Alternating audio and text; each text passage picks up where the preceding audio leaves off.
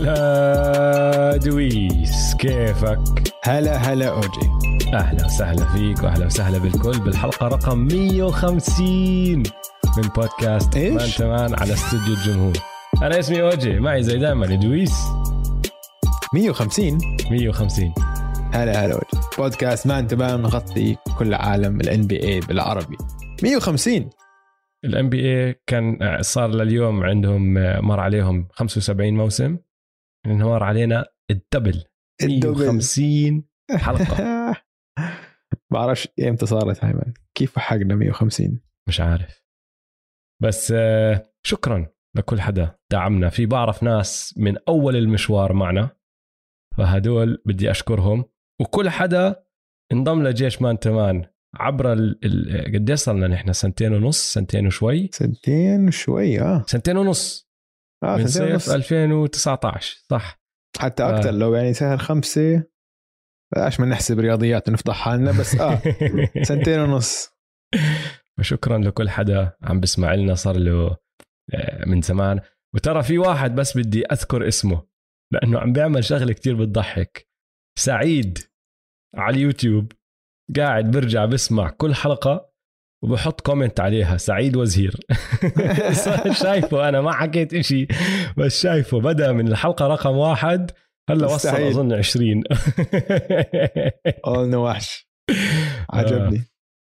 آه، طيب دويس. شو أيوة. الأسبوع شو الأسبوع الناري؟ أوف. كبير. أسبوع كبير. لعيبة كبار. scoring explosions عم بيصير. آه scoring explosions شوف آه. رح نحكي عن ال أكمل شغلة سريعة الأخبار السريعة هذا الأسبوع. بعدين رح نعمل ال fast break. وبعدين يا سيدي العزيز بدنا نكمل الجزء الثاني من لعبتنا اللي بديناها الأسبوع الماضي اللي هي مية مية أو ما في chance ويعني الجماعه ما قصروا متابعينا مستمعينا. يعني من أول الأسبوع الماضي من لما طلعت الحلقة وعلى التويتر شغالين ببعثوا لي اقتراحات. فأغلب أغلب التصريحات اللي راح أحكيها اليوم جاي منهم. حلو. اكمل واحد هون هناك اكمل فريق ما حدا قرب عليهم. يعني ال Kings ولا حدا جاب سيرتهم حتى. ولا حدا فكر يجيب سيرتهم. لا بس أغلب واحد التصريحات من عندهم. أحكي لك في واحد بعت لي إنه المالك تبع ال Kings مفكر يشتري تشيلسي. نادي تشيلسي. آه قرأتها إيش؟ هاي. آه. بده يشتري تشيلسي لأنه أبراموفيتش عم ببيع تشيلسي. آه طيب على السريع أخبار الأسبوع يا دويس. أول إشي لازم نبدأ. ما راح نطول عليه اليوم راح نطول عليه الأسبوع الجاي بس ينكسر الرقم القياسي. بس جريج بوبوفيتش عادل الرقم القياسي تبع دون نيلسون المزارع. آه، لعدد الانتصارات كمدرب بال NBA بالموسم الاعتيادي. 1335 انتصار غلبوا الليكرز بآخر مباراة لهم ال Pacers ال Spurs عفوا. والمباريات الستة الجاي عم بيلعبوهم على أرضهم. مم. فمن هون لأسبوعين بالكتير بتوقع تكون آه، خلصت الشغلة وكسر والله؟ القياسي. خلينا نشوف ضد مين؟ آه في مباريات. ضد ال Raptors في واحدة ضد ال Pelicans آه ما بتذكر الباقي. أظن ال Thunder في مباراة ضد ال Thunder إذا أنا مش غلطان. عندك آه اسمع Raptors بعدين جاز بعدين Pacers بعدين Timberwolves بعدين OKC بعدين Pelicans أكيد حيكسرها هون يعني أكيد. بس يكسر الرقم. القياسي. رح نعمل deep dive نرجع ل آه 26 سنة لورا. اليوم اللي بدأ فيه التدريب نحكي لكم عن أكمل شغلة كانت عم بتصير بعالم ال NBA لما جريج بوبوفيتش بدأ يدرب. أنا مش يعني اعطيكم إياها آه، بهاي الطريقة بدون ما نكمل عن الموضوع كتير. نص لعيبة ال NBA تقريبا ما كانوا مولودين لما جريج بوبوفيتش بدأ يدرب السان انطونيو سبيرز wow. فكر فيها هيك بس. wow. الخبر الثاني على السريع. انت حكيت صار عندك scoring explosion. بدي أشكر واحد من متابعينا لأنه لخص لي إياهم كلهم بعثت إياهم آه على تويتر كنا رح نحكي فيهم طبعا هدول المباريات بس هو حط لي إياهم كلهم جمعهم وهي مش حتى آخر أسبوع يا أخي آخر أربع أيام. شوف شو آه شو شفنا قدامنا شو صار. لبرون جيمس 56 نقطة جيسون تيتم 54 نقطة كايري ايرفينج 50 نقطة نيكولا يوكيتش 46 جوليوس راندل 46 دي آرن فوكس 44 كريس ميدلتون 44 نقطة جوال إمبيد 43 نقطة وداريوس جارلاند 41 نقطة. هدول بآخر أربعة أيام بس مم. تخيل. آه. سؤالي لإلك بين كل هالمباريات أكتر واحدة لفتت انتباهك؟ بصراحة تبعت تيتم حلو. تبعت تيتم كانت قوية. يعني طبعا لبران اللي سواه كان خرافي بس لبران جيمس يعني إنه مش متفاجئ إنه آه بتطلع منه. وبعرف إنه كان لسه اللي فاجأني فيه إنه لساته كان عم بيحارب. عشان هو كان صار له أسبوعين هيك مش عاجبه اللعب وكذا بس هاي ال game ضد ستيف كيري قال لك لا اليوم راح كسر الدنيا. وفعلا كسر الدنيا. بس جيسون تيتم كان ضد كيفن دورانت. طلع راس براس مع كيفن دورانت وعلم غلبه. عليهم. غلبه. غلبه. ال head to head غلبه. ما طلع راس بطرق. براس وعادل وطلع راس براس وغلبه. لا واسمع والطريقة اللي عملها فيها ال handle كان صح ال shooting كان موجود الاختراق اللي بقوة كان موجود. لا لا جيسون تيتم. ورجعنا والدفاع كان موجود. في في حدا بعت لي إحصائية مش موجودة قدامي آه، بس في حدا بعت لي إحصائية اللي هو عدد الهجمات اللي جيسون تيتم كان المدافع الرئيسي على دورانت وعلى كايري. ونسب التسديد للتنين كانت كتير واطية. يعني مش بس حط فوق ال 50 نقطة على الجهة الهجومية على الجهة الدفاعية سكر على أحسن تنين بفريق الخصم. two way complete game رائع رائع. و... والحلو فيه إنه هاي سمعتها سمعتها ببودكاست. وحدا حكاها وهي شغلة نظرية يعني ما بتقدر تثبتها مستحيل تثبتها بس لما تحضر وتكون سامعها براسك وبعدين تشوف اللي عم بيصير بتصير تحكي آه لا لازم يكون هذا صح. إله يعني منطق اللي بيحكوه بيحكوه. في نظرية ما بتذكر مين حكاها بس حكى إنه بعد ما صار all star starter لما صار أساسي ولعب مع الأساسيين هذا الإشي بغير آه، الثقة بالنفس بطريقة إنه يا أخي أنت خلص وصلت النخبة أنت مع هدول الأساسيين وهم بيطلعوا عليك ال- ال- العظماء عم نحكي صغير. تبعت ال NBA بيحكوا معه إنه أنت منا هلأ صرت هلا ما بتصير مع كل حدا طبعا. في عندك زي ناس زي أندرو ويجنز.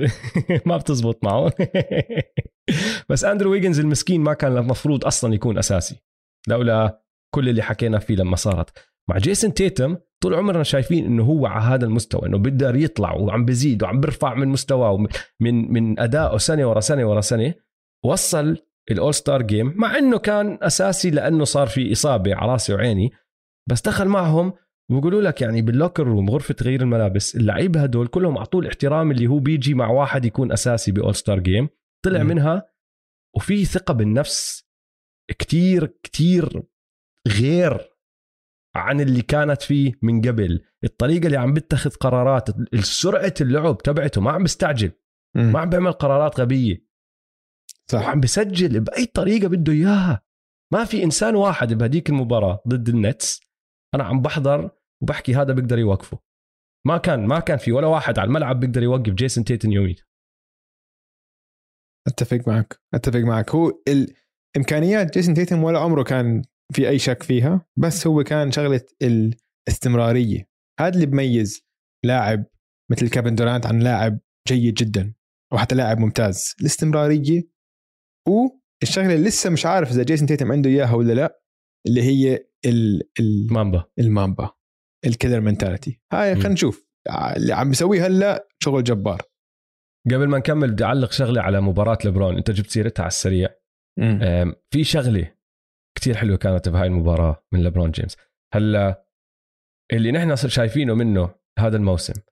في سبع لعشر دقائق بكل مباراة لبرون جيمس بقرر هدول هم السبع لعشر دقائق اللي أنا راح أبذل ماكس افرت كل طاقاتي فيهم ودائما دائما لما يعمل هذا الإشي بتضلك حاط ببالك إنه أوف هذا لبرون جيمس. بضل هذا لبرون جيمس. آه. بس للأسف الشديد هاي السنة ما عم نشوف هذا الحكي 36 دقيقة ورا بعض 38 دقيقة ورا بعض زي ما كنا نشوف بعزه. عم نشوفه هو بيتخذ قرار هلا رح أسويه وفي مباريات بيقول لك بديش من أولها لآخرها بشوف إنه الوضع صعب متأزم بقول لك ما في مش ما في داعي اليوم أبذل جهد. وهاي شغلة أي حدا عم بيحضر الليكرز بيقدر يلاحظها. مش إنه سرية كتير ولا إشي هيك. بهاي المباراة المباراة كلها من أولها لآخرها كان بهذا ال mood. ما بعرف إذا كانت عشانها ضد الوريورز وهو غريب أكيد. التقليدي وضد ستيف والأمور هاي. لاحظ إنه ايده سالكه من أولها بس لعب مباراة كاملة بهذا المستوى. وكتير كانت حلوة. يا أخي اخر هذا ثالث أعلى رقم ثالث أعلى مجموع بمسيرته. عادل مباراة من قبل مليون سنة. من بداية الألفينات من 2005 إذا أنا مش غلطان. أنت عم تحكي عن 56 نقطة بطرق جبارة وحلوة وكمان زي ما هلا حكينا عن تيتم ما كان لهم حل لبرون ما كان في حدا قادر يوقف لبرون بيعمل اللي بده إياه على الملعب وعم بتحكم بكل إشي عم بيصير على هذا الملعب زي ما كان يتحكم فيه بالزمانات. ودخلنا على الرابع وقلب كلتش كتير كمان مرة. آه. كتير حلو لما نشوف هذا الإشي منه لأنه نرجع نعيدها. 37 سنة عمره الزلمة. أربع نعم. لعيبة حاطين 50 نقطة عمره 37 أو فوق لبرون جيمس. كوبي. كوبي. MJ, MJ. جمال كروفورد. وجمال كروفورد. جاي هيك ما بعرف كيف بس. 100% لكن اليوم واحد بيسألني على تويتر بيقول لي يا أخي شو رأيك بجمال كروفورد؟ أسطورة. قلت له من أي ناحية؟ قال لي كلاعب. قلت له اسمع كان هداف ناري. من أفضل ال handles بالتاريخ. متعة متعة متعة. بس صفر على الجهة الدفاعية. و... وأفضل أيامه كانت لما كان يلعب sixth man وبيجي بس شغلته يسجل. آه. أنت نزله off the bench وقول له حط الطابة بالشبكة. ال 50 point اللي ذكرتها أنت هلأ من ال bench كان. كان طالع من ال bench. ما كان starter وجمال يا أخي من النوع اللي بتعرف لما يقولوا لك game recognize game أو game respect أيوة. game أه. جمال من النوع اللي أي واحد hooper أي واحد بيلعب سلة بالان بي اي كثير بيحترم اللي كان يعمله جمال كروفورد طبعا.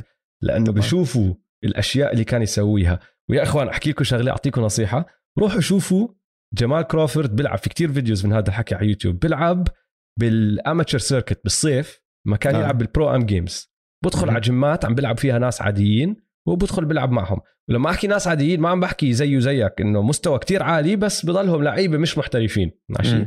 وجمال كانت لعبته يروح يلعب معهم خصوصا بسياتل. هو من سياتل بحب يعملها كان كتير بسياتل الأشياء اللي كان يعملها على الملعب رائعة رائعة رائعة رائعة. بخف عقلهم الناس وهم عم بتطلع عليه. ال dribbles ال fakes اللف يمين وشمال.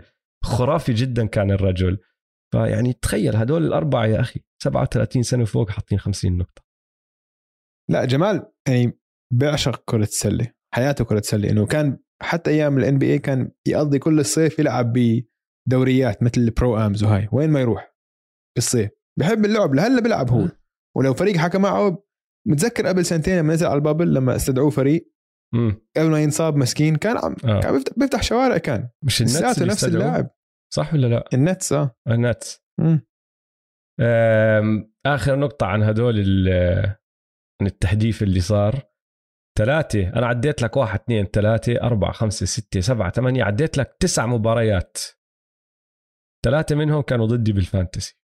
بأسبوع كتير حاسم. داخلين على ال playoffs هلا كمان شوي. بدي أتأهل لل playoffs يا أخي. ثلاثة ثلاثة. جوليوس راندل عم بحط 46 نقطة ليش؟ ليش؟ الله ليش؟ لك يا أخي. hard luck آخر شيء راح نحكي عنه آه راسل ويست brick ولا ما نحكي ويست brick أنا صراحة زعلت عليه. يعني شفقت عليه؟ مش شفقت إنه يعني شوف. احكي لنا احكي لنا شو صار قبل ما نكمل بس للي ما بيعرف على السريع. بمؤتمر صحفي بعد مباراة سألوه وقاعد يحكي هو عن إنه كيف هلا عيلته بطلت تيجي على المباريات عشان الجمهور ضلهم يهتف على اسمه بيحكي ويست brick عشان بدال ويست بروك وكذا.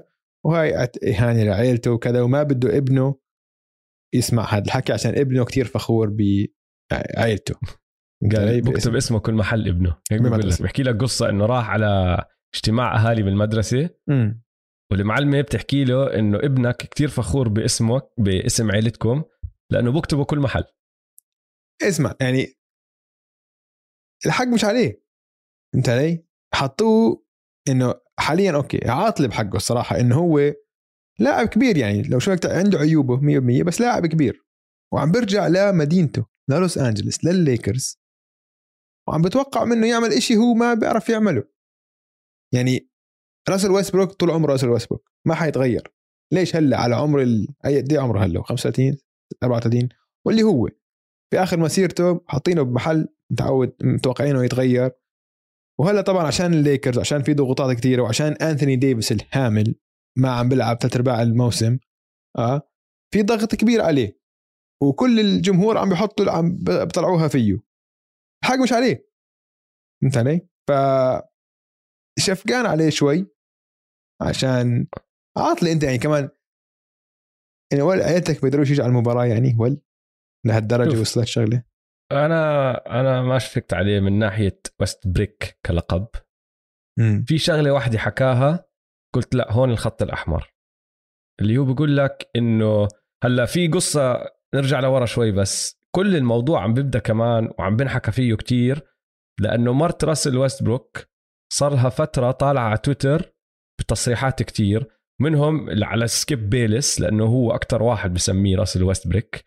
وبتهد على سكيب بيلس وبتهد على الكل ماشي هلا هي ما حكت شيء عاطل هي بس حكت إنه بس بكفي إنه أنتم ما عم بتفرقوا بين راسل ويستبروك اللاعب وراسل ويستبروك الشخص الأب الرجل. ال ال ال ال ال الشخ... الإنسان الرجل آه. آه. الانسان آه هلا آه شغلة الشغلة اللي حكيت خط أحمر ومعه حق فيها بيقول لك إنه صار يهديهم صار يجيهم تهديدات موت. إنه. قتل إنه ناس جمهور قد ما هم زعلانين قاعدين بهددوا العيلة. مم. وهاي لا هون خط أحمر. هو حكاها بالمؤتمر الصحفي إنه at the end of the day بيقول لك it's just a game. مم. كلها لعبة. ونحن كلنا عارفين هذا نحن أكثر ناس بنحب الان بي بالدنيا بس عارفين. آخر ال- الموضوع إنه هاي رياضة ترفيهية. تمتعنا ونستمتع فيها وكل هالأمور هاي بس مش مهمة. ما حدا. فارقة معه مين أفضل ثاني أحسن ثالث يعني إذا صارت حرب عالمية لا سمح الله هذا آخر اهتمامنا راح يكون. بس شغلة اللقب لأنه هو حكى هاي السطر زي كأنه كمل ما مشي ما ما دخل ما تعمق فيه. وهذا هو بالنسبة لي الإشي اللي كان لازم يعلق عليه يحكي هذا خط أحمر. ما بدي. شغلة اللقب يا أخي أنا وياك بنلقب مليون لاعب مليون إشي. كل حدا بيعملها. وبنعطيهم ألقاب حلوة وبنعطيهم ألقاب تخويت عليهم كمان حسب اللعب. أنا وياك لما نحكي إذا راسل ويستبروك صرنا نسميه راسل ويستبروك ما عم من ما عم نسبه كرجل. عم نسب أو بنتخوت على راسل ويستبروك اللاعب لأنه بضل يفكح. لما نحكي عن زايون الكوكب ما عم. نسب شخصية زايون. كرجل. عم نحكي أخي اللاعب زايون مدور كبير صار في حواليه orbit يعني فهمت علي؟ وإذا أنت بدك تلقب الناس بأشياء حلوة لما كان يحكي عن beast بروك لقبه مم. كان يكيف على لقب beast بروك آه. طيب إذا أنت بدك تقبل هذا الحكي من هون بدك تكون جاهز إنه من هاي الجهة لما ما تزبط معك الأمور رح يقلبوا عليك. الجمهور لأنه هي هيك طبيعة اللعب يا أخي. مم. بس ما في سوء نية تجاهه. صح حق. ولا لا؟ في يعني شوف هذا طبعا جزء منها بعدين تاني في شغلة تانية إنه إذا بدنا نطلع عليها المنظور الثاني الجمهور ما بصير أنت كلاعب تكترث بشو عم بيقول الجمهور. فهمت علي؟ بالعكس أنت بتأثر بالجمهور معناته أنت عقلك مش بالمباراة. هو أظن كمان عقله متشتت عشان هو عم بيلعب كتير سيء فهلأ عم بدور على أشياء إنه يغير الموضوع يغير الانتباه عنه يغير فهمت علي؟ مم. يحاول يتحكم بالنص الحكي عنه شوي عشان يعني مثلا تخيل طلعوا مباريات القدم من مباريات كرة القدم شو شو بنحكى لهم اللعيبة كل مباريات حتى راسل ويستبروك لاعب بنفسه بالمباراة. حتى بالضبط حتى هو كمان بتاريخه في عدة مرات صار أشياء وإنه واحد حكى له شغلة عنصرية واحد آه. آه. سبه شتمه بطريقة عاطلة راح وقف اللعب حكى للحكام استنوا شوي وراحوا طلعوا ناس من الملاعب. آه. كتير بتصير وأنا معك بهاي ال- اللحظات. إذا الزلمة قاعد بشتمك بطريقة عنصرية قاعد بسب عليك بسب على عيلتك إيش ما يكون؟ ما بصير طبعا. ما بصير. بس عم بعطيك لقب. آه. هلأ بعرف إنه اللقب مبني على اسم عيلته على راسي وعيني. بس ما, ما مش قصدهم يشتموك بطريقة عنصرية. امم مم.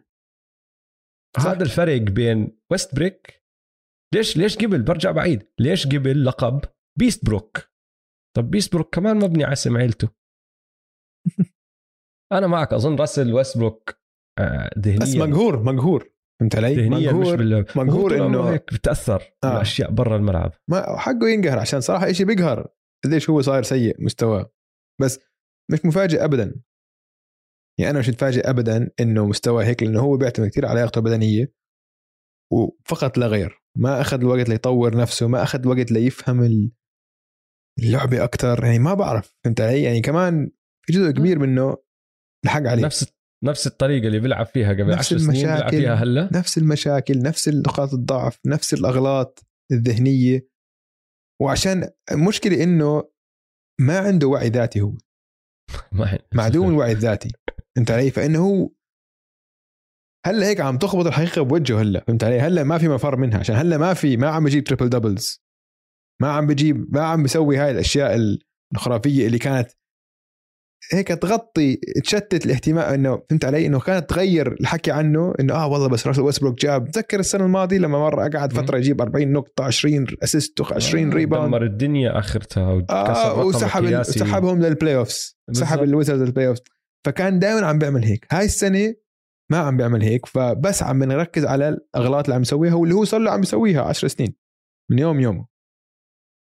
ف آه، ما طور طريقة لعبه وخلص مش ظابطة ولا هلا مش متقبل؟ إنه عنده نقاط ضعف. هاي المشكلة. آه،. براسل هاي كمان صح. فهمت علي؟ إنه بتأكد مليون ألف آه، مدرب حكى له عن هالأغلاط. متأكد. اذا إذا أنا وياك شايفين الاغلاط كيف أكيد كل حدا شايف الأغلاط. المدربين تاعونه بس هو حتى لما يحكي مع الإعلام بتشوفه كانت أول مرة ببين إنه هو هيك مكسوف. دائما هو لما حد آه، إعلامي يسأله سؤال وجيه. أنت في أسئلة بايخة. بيسألوه سؤال وجيه ما بجاوبهم هيك بس بس مش الإعلام هو دائما حقه الصراحة فاهم. بس عنده عدائية ضد الإعلام. بالضبط بالضبط. طيب آه ندخل fast break يلا. بعدين نلعب لعبة 100 100 ما في chance طيب ال fast break اليوم حنركز على المنطقة الشرقية عشان حنحكي كتير عن المنطقة الغربية. أعطيكم fast break على المنطقة الشرقية. أعطيني ال beat تفضل. المنطقة الشرقية مولعة. بدأت صورة ال playoff تتوضح وراح يكون عندنا مواجهات نارية من أول جولة أنا متأكد. لازم طبعا نبدأ بالبوستن سلتكس أفضل فريق دفاعي في عام 2022 والآن هم مباراتين فقط خلف المركز الثاني الثاني. يعني هل ممكن لعنة إيزايا توماس انفكت؟ سؤال علامة سؤال. في المركز الثاني فريق آخر فايز 8 من آخر 10 هم السكسرز مع هاردن الآن ولا خسارة. ومعدلاته 24 نقطة ونص 12 ونص assist بفعالية عالية جدا. مع امبيد مواصل توحشه السكسرز الآن بلا شك منافس على المنطقة الشرقية. البولز والكابز قصة جميلة هذا الموسم لكن واضح الفرق بينهم وبين الطبقة العليا في الشرق فرق شاسع. البولز خسروا جميع مبارياتهم ضد زعماء القسمين. والكابز م- مكسورين بالإصابات إصابة ورا إصابة ورا إصابة. النتس سجلهم 500 تخيلوا. بس ما حد بده يلاقيهم مع كيدي في أول جولة بال playoffs الهوكس مش ناويين يحلقوا بس كمان فريق خطير جدا ممكن تلاقيه بالجولة الأولى بال playoffs كل هذا لسه ما ذكرنا الفريقين المفضلين. البطل البكس سجلهم ما. لا يبهر بس مع يانس أكيد راح ينافسوا. والهيت متربعين على الصدارة ما حد عم بيحكي عنهم. نحن عم نحكي عنهم يا دويس. مش كتير. آه كل حلقة منافسين بنحكي عنهم. آه لا نحن هي لعن المنافسين بس بشكل عام الإعلام التغطيه الإعلامية للهيت مش كافية. بقول لك نحن غير. نحن نحن غير. نحن نغطيهم. نحن نغطيهم. مية. الكافز يا أخي جد إصابة ورا إصابة. جارت آلن هلا كسر وخلص عارف out. indefinitely آه. آه. يعني أنا بقول مسكين. هم حينزلوا يمكن للمركز حينزلوا ال play-in يعني. إذا هيك بيطلعوا الرابترز محلهم أوف تخيل. أوف والله في وسع منيح بينكم. ثلاثة. في ثلاث مباريات ضايل 18 تقريبا شيء هيك. آه، بس في مباراة بين الكافز والرابترز. ثلاثة ونص بين عندك. النتس وراهم بشوي.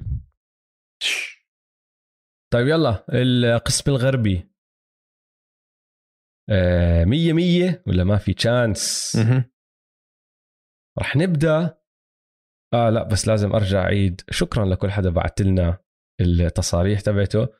وبعتذر من الناس اللي ما راح أستعمل تصاريحهم لأنه بصراحة كتير إجاني واللعبة يعني هي تصريح واحد لكل فريق. غشيت هون وهناك بكمل فريق بس التنتين على السريع بس بشكل عام هو تصريح واحد. فإجاني كتير مرات عن عدة فرق قعدت أطلع عليهم قررت آخذ اللي أنا حابه أكثر فاعتذاراتي لأي حدا ما جبت سيرة تصريحه. بس رح نبدأ بالكليبرز يا دويس. الكليبرز من الفرق اللي أعطيتك آه، راح أعطيك تصريحين ماشي؟ م. هلا. القصة كالتالي. امبارح تفجر تويتر. فجر تويتر. شفت؟ لأنه كواي لينرد قبل مباراتهم ضد الجولدن ستيت ووريرز طلع وتدرب على الملعب على الملعب لمدة ساعة أو أكثر من ساعة وكان هذا أول تمرين له علني إنه الإعلام بيقدروا يشوفوه. من لما انصاب لحد هلا ما حدا شايفه بتدرب فطبعا تويتر اتفجر تفجر آه. بعدين طلعوا آه، عدة آه، تصاريح عن أو تقارير عن آه، عن تاريخ عودته. ماشي؟ في ناس بيقولوا لك إنه بي جي بول جورج راح يرجع بنهايات شهر ثلاثة وكواي أعطونا تاريخ محدد اللي هو 10 أربعة. بس بعدين قعدت أطلع ومش كل حدا عم بيحكي هذا الحكي فما بعرف المصادر من وين جابتهم. بس بعدين طلع كريس هينز بالمباراة نفسها آه، الصحفي تبع ياهو وحكى إنه هو حكى مع تايلو وتايلو حكى له لا ما في تاريخ معين. طبعا كذاب تايلو 100% هشات لأنه أنت مدير الفريق أنت 100% عارف إمتى بيقدر يرجع. بس اللي حكاه إنه إذا ما لعبوا هدول التنين قبل ال playoffs ما راح يلعبهم بال playoffs فإذا لحقوا يرجعوا بالموسم الاعتيادي راح يلعبوا بال playoffs إذا ما دخلوا على ال line up بالموسم الاعتيادي ما راح يلعبوا playoffs من مرة بدوش يدخلهم على ال playoffs فالسؤال أو التصريح الأول. الكليبرز وتايلو bluffing كذابين. عارفين بالضبط إمتى راح يرجعوا وحتى لو ما رجعوا بالموسم الاعتيادي بدخلهم البلاي اوفس 100 100 ولا ما في تشانس إنه ار ذي بلافينج بقول ما في انه بلافينج أنت بتتفق معي إنهم بلافينج إنهم كذابين. ما بتفق.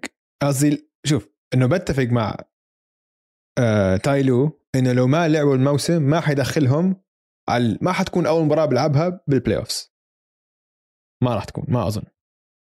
فهمت علي؟ آه. عشان بس خطر بس عارفين عارفين إمتى راح يرجعوا ولا لا. هي هاي النقطة آه طبعا. الرئيسية. طبعا عارفين إمتى حيرجعوا. أكيد. أكيد طيب. عارفين إمتى حيرجعوا. هاي طلعته شوف لو سألتني هذا السؤال امبارح بقول لك إيه كواي ما في chance يلعب هاي السنة. كان هيك جوابي إنه ما في chance كواي يرجع هاي الموسم. بس على الملعب ساعة قدام الإعلام. يعني فيها فيها مسج فيها رسالة اسمع يعني مش عشان ما فيش مسج أعلى من هيك. واضحة آه. الأمور. الشاب راجع. الشاب طيب. راجع 100 100 وإلا اسمع وإلا كواي ضل ببيته. ما كان اجعل ما كان طيب. اجعل. واسمع هاي وهاي الجيم كانت ب ما كانتش بلوس أنجلس صح؟ يعني عم بيسافر مع الفريق.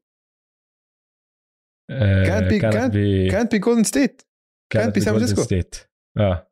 آه فيعني عم بيسافر مع الفريق أكيد راجع. أنا بتوقع خلص إنه حيرجع كمان أسبوعين ثلاثة يعني. حيلعب له أسبوع أو أسبوعين قبل الموسم. التاريخ اللي انحكى 10 4 10 4 اخر يوم الموسم الموسم باكمل يوم بأقل من أسبوع. قبل ال play-in بأربع خمس أيام شيء هيك. ال play-in أظن ب 16 أو 15 طلع جدولهم. شو عندهم لا ال play-in 12 البلين ب 12 الشهر. لا معناته بده يرجع قبل. فهمت علي؟ فخلينا نشوف الجدول تبعهم. إمتى آخر جيم لهم آخر جيم 10 الشهر. فهو التاريخ هذا بس زي ما حكيت لك ما بعرف إذا المصادر موثوقة ولا لا. طيب مش مشكلة اسمع. ما أنا بس أنا هاي أنت هلأ آه. آه. اللي عم تحكيه إنه متوقع يرجع. طبعا. صح؟ أكيد. طيب حلو. هلأ هيك دخلتني على الجزء الثاني والأهم من التصريح آه. اللي إجانا من المستمعين. آه. خلينا نفترض إنه الاثنين رجعوا كواي وبول جورج وخلينا نفترض إنه نورمان باول كمان رجع. okay. ماشي؟ الثلاثة رجعوا. هو مصاب ولا ما كنتش عارف نورمان باول ستورمان نورمان للأسف مصاب آه لعب أكمل game بدع معهم بعدين آه. آه. أكلها بإصبع رجله ولسه ما رجع لعب okay هلا السؤال لإلك افترضنا إنه الثلاثة رجعوا. وعم بيلعبوا. الكليبرز المرشح الأول للغرب مية مية ولا ما في chance الأول لا ما في. chance لا ما في chance مش الأول ما في chance الأول بس لا من ال... أكيد من الثلاثه لحظة خلينا نفكر فيها. اسمع. خلينا نفكر أنا فيها شو عندي. رايي أنا لما. شفتها قعدت أفكر فيها. أنا عم بعطيك التصريح هلا فأنت فكر فيه. أنا راح أحكي لك ردة رأيي فعل رأيك. أوكي. فممكن والله ممكن مان يعني مش إبعاد. عن المرشح الأول آه عشان قوايا. أعطيك أعطيك رأيي عشان أنت أعطيني. تهضم المعلومات شوي وبعدين تعطيني رأيك. أعطيني أنا أعطيني. فكرت فيها. أنا بحكي ما في chance بس لسبب واحد بسيط جدا. ماشي. الكليبرز حاليا آه عم بيلعبوا لمراكز ال play-in ماشي؟ آه. ففي احتمالية كتير كبيرة إنهم ما ما إنه إذا دخلوا ال playoffs يدخلوا ويلعبوا ممكن ضد السانز. إذا صفوا نازلين للمركز الثامن يلعبوا ضد السانز. وإذا صارت هاي الشغلة ما أتوقع حتى لو رجع كواي باخر أيام الموسم إنه يكون هو مستواه البدني جاهز ليلعب ضد فريق بيكون من أحسن الفرق بال NBA إذا مش أحسن فريق بال NBA ماشي؟ بس إذا ضلهم متمسكين بالمركز السابع ولعبوا ضد المركز الثاني والمركز الثاني ما كان الووريورز كان الجريزليز. هون بحكي ممكن يطلعوا عن الدور الأول ممكن يوصلوا للدور اللي بعده عشان عامل الخبرة فقط. عامل الخبرة راح يلعب دور كبير ضد فريق كتير صغير فريق لسه قائده بتاني سنة له بال playoffs وراح يصفي لاعب ضد ناس مخضرمين و- وعندهم كثير خبرة ماشي؟ بس بعد ما يطلعوا عن هاي السلسلة إذا زي ما حكينا رجعوا بآخر أسبوع بالموسم أنت عم تحكي إنه داخل كواي لينارد داخل بول جورج وممكن نورمان باول راح يكونوا الثلاثه داخلين على سلسلة دور تاني فريق قوي جدا مين ما يكون وهم لاعبين أقل من عشر مباريات. خصوصا كواي بيكون لاعب أقل من عشرة الموسم كله. هدلاك التنين أقل من عشرة من لما طلعوا. مم. فهمت علي؟ ما بعرف إذا بكفي هال- هالفترة الزمنية ليرجعوا لمستوياتهم. وهينا شفناها مع مليون حدا. بيرجعوا آه. من الإصابات. مرات عندهم مباراة كتير خرافية مباراتين ورا بعض خرافيات بعدين في مباراة بينزل مستوى فيه. جسمه لسه مش متعود. بال playoffs عم تلعب كل يومين ثلاثة. ورا بعض ورا بعض ورا بعض ورا بعض. مم. وعم تلعب دقائق كتيرة. ما عم تلعب 20 دقيقة. عم بيلعبوك 30 35 40 إذا محتاج ومباريات حك. فلهذا السبب ما بقدر أحكي إنهم راح يصيروا المرشح الأول لأنه ما راح يلحق يرجع للمستوى. قد ما هو هلا منظره صح بالتمارين ما تحطه بمباراة ما راح يكون نفس كواي لينارد المتعودين عليه نحن بال playoffs اللي لياقته كاملة اللي full strength بس عشان هيك بحكي لا. أتفق أتفق. بده وقت ليتعود ليرجع لياقته ويرجع بمستوى. طيب حلو. آه التصريح الثاني الممفيس جريزليز. حيعجبك هذا يا دويس. جا مورانت هو ال MVP تبع هذا الموسم. مية بالمية. لا امزح آم، للأسف قلبي بيقول مية بالمية بس لا ما في تشانس ما في تشانس عشان- آه، استنى شوي بس بدي إياك توضح. ما في chance إنها تصير ولا أنت مش مقتنع؟ لو لو الخيار لإلك آه. تحطه MVP لا. okay. ليش؟ في أفضل منه. في. في MVP أكثر منه اللي هو يوكيتش. نوصل ليوكيتش. آه. يوكيتش هلأ ال- التصريح لما إجاني إجاني بمقارنة مع ديريك روز آه. رحت طلعت على موسم ديريك روز لما ربح ال MVP وعم بقارن الأرقام. خليني أحكي لك إياها. جا مورانت حاليا معدله 27.6 نقاط 5.8 rebound 6.6 assist. عم بسدد بنسبة 50% من الملعب و34% من برا القوس. ماشي. ديريك روز بموسمه ال MVP 25 نقطة 4.1 rebound 7.7 assist 45% من الملعب 33% من برا القوس. فيعني هدول الأرقام الإحصائيات ال- الأساسية بس ما عم ندخل باي شيء متقدم. بس assist الشيء الوحيد اللي ديريك روز أحسن من جا مورانت أرقام جا مورانت أحسن. ماشي؟ وين بتفرق؟ الجريز مع إنهم هلأ تاني بالدوري كله. حاليا سجلهم تاني أحسن سجل بالدوري كله. نسبة الانتصارات تبعتهم 67% إذا كملوا على نفس المستوى راح يربحوا 55 مباراة.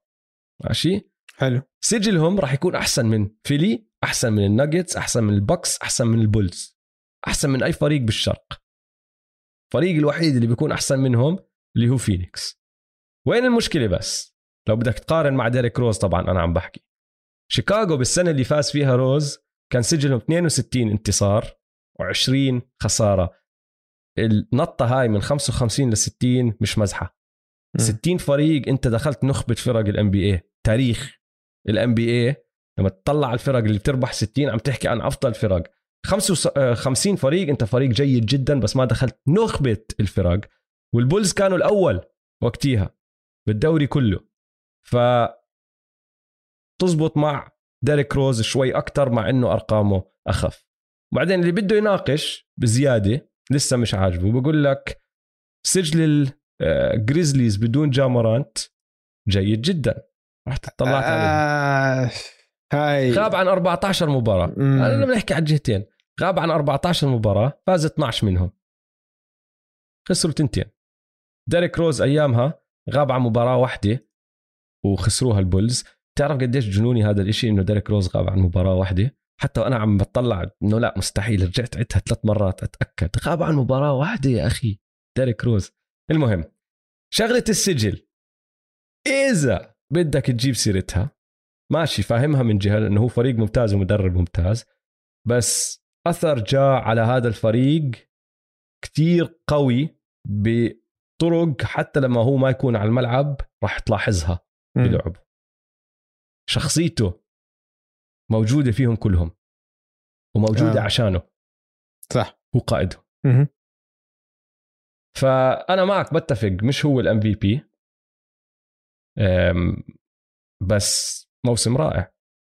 موسم يعني مرشح ام في بي توب فايف بالان بي اي اول نقدر نتفق؟ مفروض all NBA المفروض يكون all team. NBA first team فوق ستيف هاي بتفق. فوق ستيف. بتفق. ها المفروض يكون فوق ستيف طب مين حاط الثاني إذا هيك أنت ب all NBA لحد هلأ. ديروزن صراحة. لحد الآن؟ أه. يعني, اسمع ال top اسمع هم- أحكي لك اسمع، عندك ال front هون, court. هون هون أظن بختلف شوي. عندك ال front court ثلاثة. واضحين ما في نقاش. يوكيتش آه. يانس وإمبيد. هذول. ال front court آه. صح؟ بصير نحطهم الثلاثة بال all NBA آه، ولا لسه ال NB عندك مفروض لا هم عندهم center بس الشغلة اللي بتصير معهم بحطوا واحد front court لا هدول التنين اللي هم يوكيتش وإمبيد بالتصويت بيكونوا حاطينهم forward أو power forward و center بالضبط. هدول ثلاثة بس ما بعرف إذا بت- بتخ... بتخرب عليهم ولا لا. إذا أنا وياك على سبيل المثال كل واحد عم بصوت لإمبيد بس أنا حطيته center وأنت حطيته power forward بيجمعوا الأصوات ولا لا؟ ما بعرف. مفروض. آه مفروض. بس آه. ما بعرف بالضبط كيف تشتغل وهالامور هاي ممكن تخرب. مم. بس أنا متفق. إذا بتقدر تدخل هدول دخل الثلاثة. صح. آه. آه. بال guards أحسن موسم يعني ديروزن وجا مورانت هم عم بيكون موسمهم أحسن من ستيف كاري ولوكا دونتشيتش مع إنه لوكا إذا بيكمل هيك لآخر الموسم حيكون في. حكي. آه. ولا ولا آخر شهر. آه. آخر شهر أكيد لوكا first team فلو بيكمل هيك لآخر الموسم خلينا خلينا نترك هذا النقاش لا بعدين. آه حلقة له حلقه. له حلقة كاملة لحاله هذا النقاش. آه. نحن بالعادة ما بنعمل all NBA صح؟ بالعادة لما نوزع جوائز بنوزع بنذكر all NB بنحكي بنحكي okay آه. لازم هاي السنة. طيب آه. حلو. آه الفريق الثالث. اليوتا جاز. okay. دونيفن ميتشل مش من مستوى يكون أفضل لاعب على فريق بيربح بطولة. مية مية ولا ما في chance ما في chance يعني أنت بتحسه آه. بيقدر يكون أفضل لاعب. بيقدر. بس مش لحاله فهمت علي؟ ما بيقدر يشيل فريق لحاله مش زي حلو. واحد تاني حنحكي عنه. حضل أحكي عن مش مثل الجوكر حط حواليه خمسة من الجي ليج وبيقود فريقه لل playoff بال West مش مش هيك مش هذا اللاعب. بس من ناحية أشوف أصعب شيء بال... بال... بكرة السله هو التهديف. دونيفن ميتشل عنده جميع المعطيات ليكون هداف من النخبة. بيسدد من بار القوس بيخترق ممتاز. لو الفريق اللي حواليه صح ممكن يكون أحسن لاعب فريق بينافس البطوله أه بتفق. 100% بتفق معك. بيقدر يكون أفضل لاعب بينافس ببطولة بس وين الفرق بين دونيفن ميتشل؟ ما بدخله نخبة ال NBA لا هو مش من الطراز الأعلى لسه. تبع ال NBA وين صنفنا إحنا متذكر؟ آه كان top 20 إذا أنا مش غلطان. محل بال بآخر ال 20 بعد 15 ما كان بالطعشات شيء هيك. خليني أشوف وين؟ نهاية التينز إذا أنا مش غلطان. أو أو أوائل العشرينات. خلينا نشوف نرجع لل, لل... للتصنيف المشؤوم. التصنيف اللعين. تصنيف اللعين. وين حاطينه؟ آه 19 كان. 19 امم حلو. أنا بتفق إنه أظن هو بهدول المراكز. أحكي لك ليش. الفرق عندي الدفاع أنت لما تطلع على نخبة نخبة نخبة ال NBA كلهم two-way كلهم بيلعبوا على الجهتين. دورانت بيلعب على الجهتين. يانس بيلعب على الجهتين. إمبيد بيلعب على الجهتين. كواي. يوكيتش حتى خصوصا هاي السنة. وحتى لبرون بعمره الكبير لما بده يدافع يحط راسه يدافع بدافع. ولما كان بعزه كان عادي بتحكي عنه أفضل مدافع perimeter بال NBA بس هو لما كان يحاول. علي؟ كلهم two-way في عندك اثنين حالات استثنائية بس أنا عم بفكر فيها اللي هم نخبة نخبة ال NBA بس على الدفاع مش من النخبة. ستيف ولوكا. هدول الاثنين اللي فكرت فيهم. وهاردن. هدول الاثنين هاردن خلينا نحط موضوع لبعدين. ما بعرف إذا راح أدخله بنخبه ال NBA أظن كان كيف يعني كمسجل. آه بس مش بس عراسي مش اللي بقود البطوله لحد الآن. okay ماشي. خلينا نحكي هاردن معهم. خلينا نحكي عن هاردن للسنة الماضية. نفس الشيء اللي بينطبق على ستيف ولوكا بينطبق على هاردن. هدول مع إنهم دفاعيا مش من الطراز العالي هجوميا قد ما هم رائعين بيعوضوا على هذا الإشي. فهمت علي؟ دونيفن ميتشل مش بمستواهم هجوميا. رائع هجوميا. رائع. هداف. آه، جبار بس مش من مستوى ستيف yeah.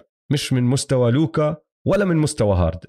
mm-hmm. وهذا الفرق ومشان هيك بحكي لك أنا معك. بتفق إنه آه، بيقدر يكون أفضل لاعب على فريق ينافس بس لازم تركيبة الفريق تكون تركيبة معينة تزبط معه وتطلع على ستيف. ستيف كان عنده دريموند وكلي. وإذا بدك تدخل بالباقي كان عندك شون ليفينغستون وأندري إجودالا وبعرفش مين كيفن دورانت بعدين. بده تركيبة معينة كان حواليه عشان يقدر يقودهم لبطولة بس من وراء هجومه أو استخداما بهجومه. لوكا لليوم ما طلع من الدور الأول. فبتفق بس ما بعرف إذا راح يقدر ياخذ هاي القفزة. ما أظن بحياته راح يقدر ياخذ هاي القفزة. فراح يحتاج الفريق يشتغل حواليه بطريقة أحسن. الكينجز. ليش تحكي عنهم؟ شرفك بصير نفشلهم أه حتى بعد ال trade تبعهم ال core اللي هو فوكس وسابونس ما في له مستقبل blow it up آه 100% blow it up سكر النادي كله. اللي بعده. والله والله خلينا نتفتش هذا النادي. خلينا نفشكم ما بيستاهل. بس بدي أعطي معلومة ما بيستاهل. والله ما بيستاهل. تعرف إنه النكس هذاك اليوم لما طرقعوهم كان في run بنص المباراة. النكس سجلوا فيها 88 نقطة. الكينجز حطوا فيها 45 88 ل 45 run كيف؟ كيف؟ فريق ساقط. طيب أكثر أكثر تصريح انبعث لي. أنت مش مصدق قديش إجاني هذا التصريح من الناس. ماشي؟ آه. يعني حتى لو ما بدي أحطه لازم أحطه لأنه انعاد كلمة بكلمة من على القليل 12 okay. الليكرز ما راح يكونوا بال playoffs هاي السنة. أوه. والله. ما راح يكونوا والله يعني في chance لازم أخذ آه، جواب جديد. في chance ها؟ يعني أقلب لك السؤال عشان تجاوب 100 100 وما في chance okay. الليكرز راح يكونوا بال playoffs هاي السنة.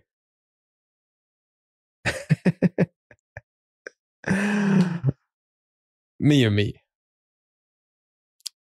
بس بص... طلع عليها. بس من يعني- ناحية يعني تصنيف اسمع أقول- بس تعرف ليش؟ عشان احتراما للملك ما بقدر أقول ما في chance حلو.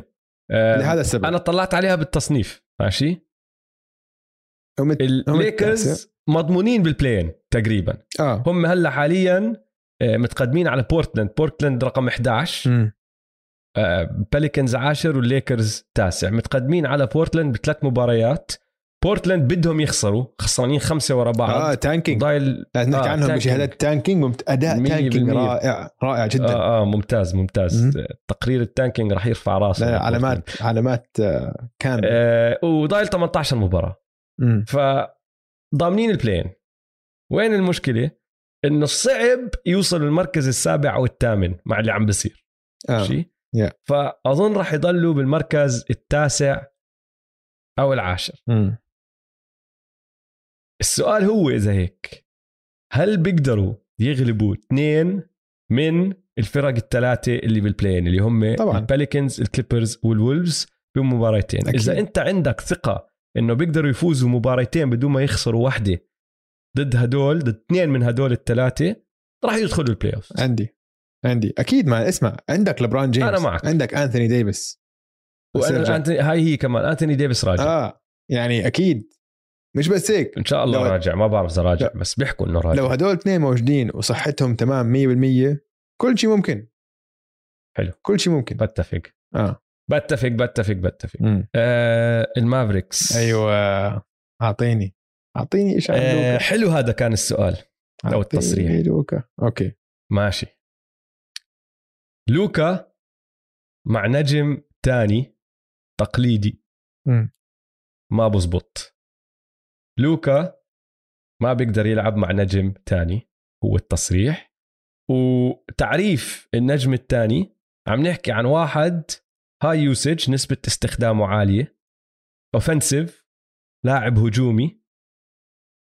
من النوع اللي نحن متعودين عليه من نخبة ال NBA top 20 player بال NBA. ماشي؟ مم. وتكملة التصريح إنه أفضل تركيبة لفريق فيه لوكا اللي عم بيعملوه هلأ بس مع لعيبة شوي أحسن باكثر واحد من المراكز اللي هو صانعي ألعاب ثانويين ما يكون صانع ألعاب رئيسي بس واحد بيقدر يمسك الطابة يوزع لعب بس ما تتكل عليه كال... كال... كصانع ألعاب الرئيسي. كمل واحد 3 and D بسدد وبيلعبوا دفاع. أكمل واحد lob threat انه لما تدخل بال pick and roll تقدر ترفع له الطابة يحطها. وكلهم يقدروا يدافعوا صح. أوف. عكس أو مش عكس تكملة السؤال. إنه إذا حطيت له لاعب تاني تقليدي نجم تقليدي ما راح تزبط وما راح. راح يخرب الموضوع. هي هاي النقطة المهمة للعلم بالسؤال مشان هيك حلو. شوف هاي ال- النقطة الثانية من السؤال ما في تشانس عشان لسه ما شفناه مع نجم تاني. كريستاب كان مش نجم تاني. منتهي بإصابات ولا عمره لعب يمكن 20 مباراة ورا بعض ياخذ راحته. فما بقدر أوصفه كنجم تاني. فلسه صعب أجاوب على هذا السؤال عشان ما عمرنا شفنا لوكا مع نجم تاني صريح. ولكن شغلة إنه التشكيلة المثالية بس بدك shooters و lob threats والناس يدافعوا حوالين و 3 and D 3 and D و secondary play هاي ممكن. هي هاي كمان. يعني هلأ عنده. دينويدي وبرانسون. chance آه 100% عشان أنا باعتقادي لوكا بيقدر يربح البطولة هاي السنة. مع هذا الفريق. وإذا بيربحها مع آه. هذا الفريق شيء جنوني. أعطيك أعطيك أكمل إحصائية. أكمل رقم عن لوكا. معدل 28 نقطة 9.3 آه، ريباوند 8.8 9 9 ماشي. مشي له إياها. 28 9 9 آه. آخر 20 مباراة 33 10 9 مم. اللاعب الوحيد بال NBA كله اللي top five بالتسجيل وبال assist. شيء سجل فريقه 40 انتصار و25 خسارة ثالث أو مش ثالث ثلاث مباريات خلف المركز الثالث يعني عم بيصعدوا بال West. بالمباريات اللي لعبوها اللي لعبها لوكا عفوا 33 انتصار 16 خسارة. يعني أغلب خساراتهم أو تفرق بمباريات هو ما لعبها. سجله أحسن من سجل يانس وسجل يوكيتش. ما عنده ولا all-star teammate ولا حدا حتى فكر آه. إنه ممكن بالمستقبل يدخل على all-star game ماشي؟ ف أنا معك بتفق إنه بيقدر. عنده الموهبة إنه يقود فريق لحاله طالما تركيبة الفريق حواليه ظابطة. 100% 100% طيب المافز أعطيتهم تصريح تاني لأنه كمان انبعت لي وقلت ما بقدر ما أحطه. حلو مثير للاهتمام. okay. التصريح هو إذا لوكا رجع خسر بالدور الأول هاي المرة أو هاي السنة بال playoffs نبدأ نحكي ما في ثقة؟ لا ما في chance إذا أنت بدك تعمل ثقة بح... إذا أي حدا ما عنده ثقة بلوكا هاي مشكلته. أنتم مش شايفين انت ما ما تحضروا لوكا. تفهموش كره سله كمان. أضيف عليها لو أنت لو أنت بتشوف لوكا لو أنت بتشوف لوكا وبتقول إنه ما عندي ثقة بهذا اللاعب معناته أنت ما عم تحضر اللي أنا عم بحضره أنت عم بتشوف إيش تاني. ما بعرف. أنا اللي عم بشوفه لاعب إنه صعب وصفه لقديش هو إنه سقفه عالي. ومش سقفه اللي عم بيعمله اللي عم بيعمله إشي غير طبيعي. لا أنا لا مستحيل شفت التغريده اللي نزلتها امبارح تغريده لك بس. أي واحدة؟ اللي آه الهوشي مع غوبير مع غوبير. كانه كأنه كان بحتاج سبب تاني أحبه زيادة. حلو. طيب خلينا ناخذ time out ونرجع نكمل مع باقي الفرق آه، بالجزء الثاني. يلا.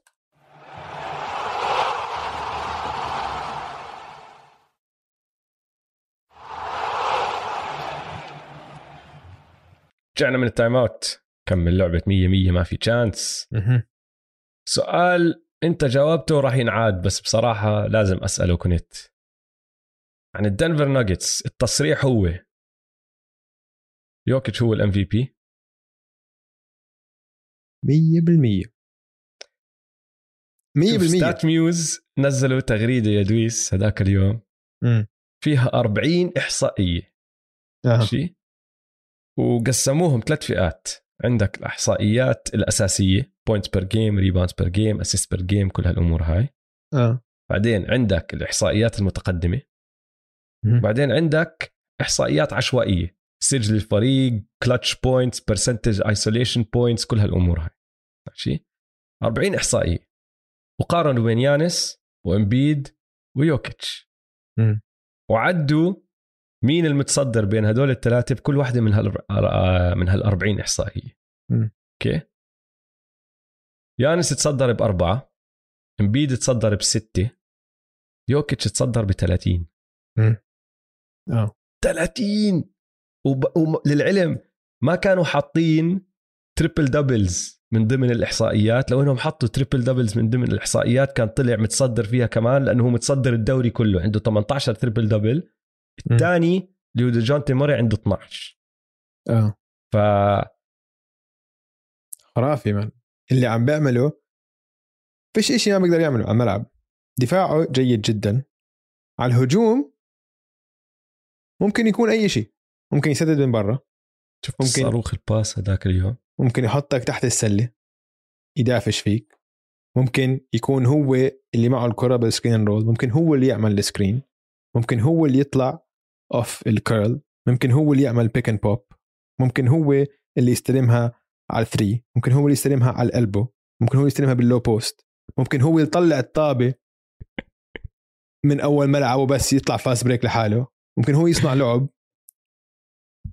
يعني إيش؟ هذيك اليوم اسمع اي أي بودكاست كنت عم بسمع. أظن أظن أظن على البودكاست تاع زاك لو. عم بحكي إنه أنا مش فاهم كيف لو أنت scout للفريق اللي عم بخطط لمباراة ضد الناجتس. عم تحضر ليوكيتش وعم عم عم بتفكر بخطط دفاعية ممكن ممكن تعملها ضده بيقول لك تقعد ساعات تشوف مباريات الناجتس بعدين ترجع لفريقك تقول لهم والله hard luck بالتوفيق. إن شاء الله ما يلعب أو كذا عشان ما له حل. هجوميا ما له حل. عم بيلعب مع جماعة هتش مع فريق إنه كتير عادي. إنسى ما مش إنه ما في نجم تاني. ما في نجم ثالث ولا رابع ولا خامس. مع اوستن ريفرز عم بيلعب. ويل بارتن هذول اللعيبة عم بيلعب معهم. فاكوندو كامبازو. أنا بحب كامبازو بس يعني لا لا اللي عم بيعمل مش طبيعي. مش طبيعي. بس ما راح يربح ال MVP عشان إنه ربحها السنة الماضية. آه. ما أنا بيستاهل يربحها. خاصة إذا امبيد قريب عليه هيك. من ناحية إنه مش احصائيا مش قريب بس إنه لو إمبيد بيكمل هيك مسفح عشان التصويت بدهم يروح يروح التصويت ل أول شيء محبوب أكثر مش محبوب مشهور أكثر وبمدينة أكبر. آه ومدينة اكبر أعلى. وصوته أعلى. بالضبط. بيعمل ضجة. يوكيتش ولا حتى يمكن يمكن ناسي إنه هو أخذ MVP السنة الماضية. جد يمكن ناسي. هو بس من بعد الموسم بيروح على الحنطور تبعه بسربيا وبنسى الدنيا كلها. نتذكر الحنطور تبعه. آه، طبعا. ما حدا بنساه. آه. حلو. طيب آه الباليكنز اسمع راح أحكي لك التصريح زي ما إجاني. آه. وضربة مخ من الآخر. بس راح أحكي لك اياه زي ما إجاني بعدين بنعدل فيه شوي. ماشي. البيليكنز بتشكيلتهم الحالية مع زايون إذا زايون رجع لقمة زايون اللي شفناها السنة الماضية. أوكي. بالغرب بوصلوا ال finals أو آه، نهائيات القسم. لا ما في chance ما في chance عشان بس بس أنا بتفق. قلت لك هو ضربة عشان... مخ من الآخر. حتى اللي بعت لي إياها آه. المتابع اللي بعت لي إياها قال لي اسمع هاي ضربة مخ. خد بس شوف بس شوف احكي لك شغلة. هي هاي أول جزء من التصريح. full strength زايون إنه زايون راجع بكل قوته. هاي عبارة كبيرة. عشان أول شيء شبه مستحيل هي. أول شيء بس لو إنها نحف نحف 25 pound بحكي. آه خلينا نشوف. كل حدا بنحف وهو مش مبين. آه خلينا نشوف. أول شيء إذا هو جد رجع بكامل قوه اذا اذا إذا البيليكنز فريق بصير يعني صعب صعب تواجهه بال playoff بس لا ما بحطه يعني أنا بحب أه بحب سي جي كثير بحب براندن إنجرام كثير بس لا وين؟ وينك؟ وين؟ شوف البداية تبعت البيليكنز هذا الموسم كانت كارثة ماشي؟ أول 19 مباراة فازوا بس ثلاثة. بدوا الموسم ثلاث انتصارات 16 خسارة. بس من وقتها لحد هلأ اللي هو تاريخ 24 11 لليوم سجلهم 24 انتصار و22 خسارة.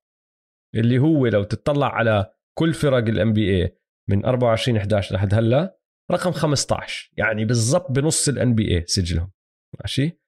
فهو السؤال اللي أنت لازم تسأله إذا بدك تجاوب هذا السؤال. هل زايون بيرفع آه، مستواهم من فريق بالضبط المعدل تبع الـ NBA بالنص الـ NBA لنهائيات قسم؟ وأكيد الجواب لا.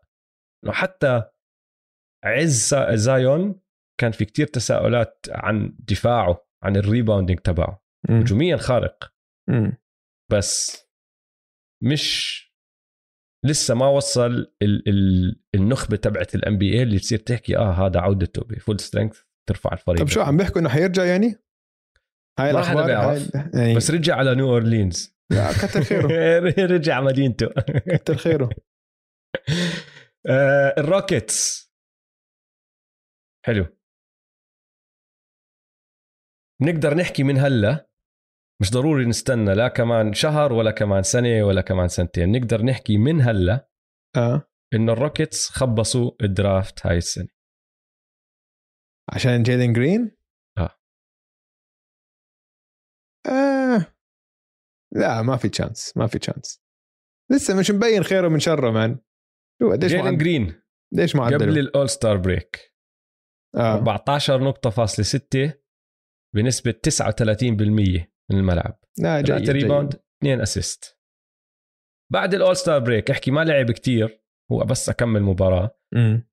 بس بعد الـ all-star break 20 نقطة بالمباراة نسبة تسديد 48% من الملعب أربعة rebound ثلاثة ونص assist فهو السؤال